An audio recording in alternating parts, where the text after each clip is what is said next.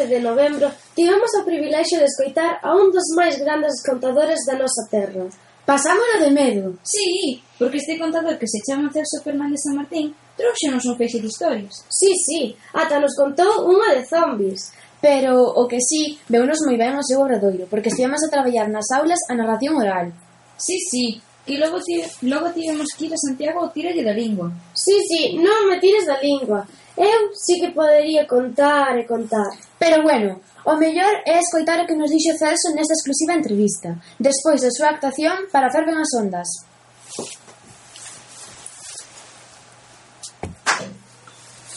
Ola a todos e a todas, eu son Inés Blanco e estamos na radio de Ferven as Ondas.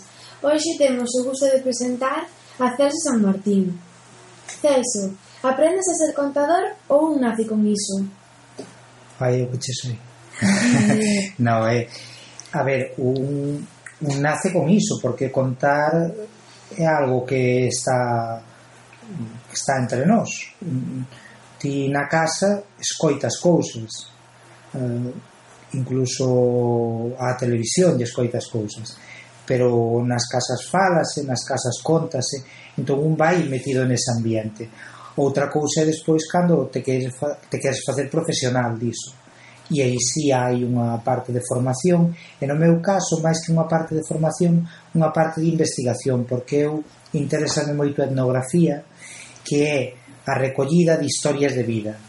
E interesame moito falar con xente maior para que me conte como foi a súa vida. A súa vida de novos, de adultos e como está sendo a súa vida agora porque sempre acordan cousas que son moi interesantes de oír. Gracias. Desde cando és contador? Pois contador profesional desde haberá uns 27 anos aproximadamente. Eh, contador, eu creo que xa contaba de pequeno. E eh, cal sería o ABC dun contador? Porque nós que vamos contar historias, que nos recomendas? Escoitar.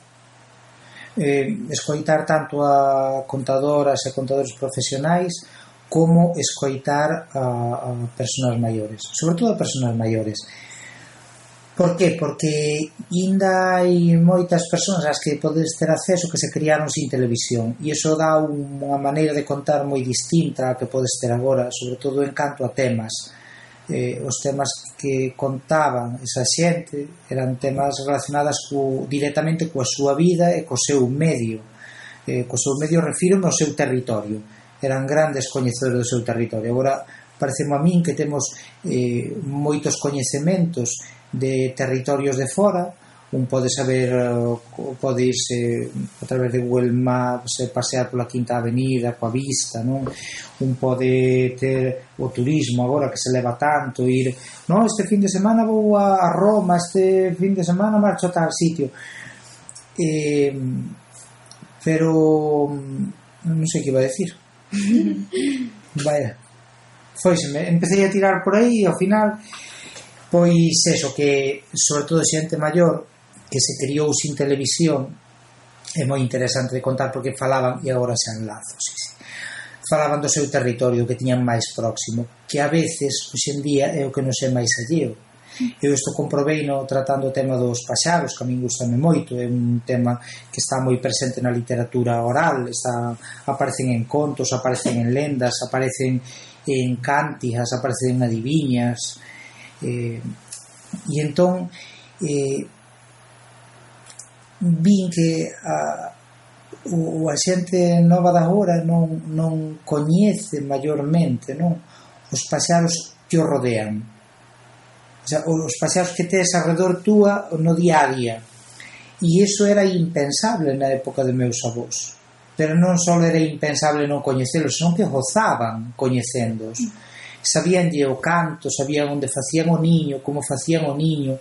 Eh, sabían se eran pasearos máis ou menos importantes para a vida dun labrador, se eran culturalmente máis ou menos importantes. Por exemplo, había pasearos que eran sagrados, que ti non lle podías facer mal, a anduriña, por exemplo, ti non lle podías tocar, e había unha lenda que explicaba o porqué. Había contos que explicaban eh, que determinado pasearo se comportara dunha maneira, ou ti tuveras que comportar dunha determinada maneira con el. Eh, había algo que xa era unha maravilla que é traducir a linguaxe humana o canto do paxaro e son moitos vellos despois de horas de atención, de estar ao mellor coas ovellas no monte, de velos, de fixarte, porque iso é o que todos temos, curiosidade, non? Eh, hoxe en día a curiosidade escápanos moito polas pantallas, tes curiosidade de algo e vas e cacheas e miras. Mm, mm, e aí eu eh, son tamén partidario dunha cousa. Isto é unha gran ferramenta evidentemente ninguén, eu non vou falar en contra dela. Pero cando mm, dou algún curso de narración oral eh, hai unha cousa que, que pides que fagan determinados traballos non? Sobre todo, imaginadevos eh, que vayan preguntar ás súas casas como foi a chegada da televisión cal foi a primeira televisión que prenderon, que lles pareceu eso, que entendía a xente que era unha televisión cando nunca antes a viran. A xente realmente empezou moita xente pensando que dentro había personas que miraban para ti, que participaban da túa vida. Unha señora hai pouco contoume isto onde foi, en Guadalajara. Contoume que ela de nena collera as agullas de calcetar a nai e polo altavoz da televisión as metera porque quería picar ás persoas que aparecían dentro. E levou un calambrazo. E había, había esa, esa idea, esa confusión. Entón, eu cando cando lles pido nun curso lles digo eh, preguntade por tal cousa. Eu sei que o máis cómodo hoxendía é irte a internet. Ti marcas aquí en, en Google marcas a, a chegada da televisión e pum, seguramente se che aparecen páxinas non? Que falan de eso, contan historias e iso está moi ben. Pero eu durante o curso non quero que fagan eso quero que fagan o que chamamos traballo de campo. O traballo de campo é ir falar coa xente. E sabedes por qué?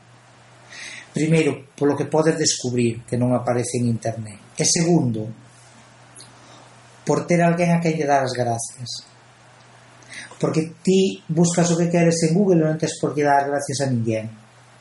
Pero en cambio se ti falas cunha persona e esa persona eh, che dá, che regala, che lega unha historia de vida súa ti esa persona tens que dar as gracias pola historia, pola confianza e máis polo tempo que está contigo.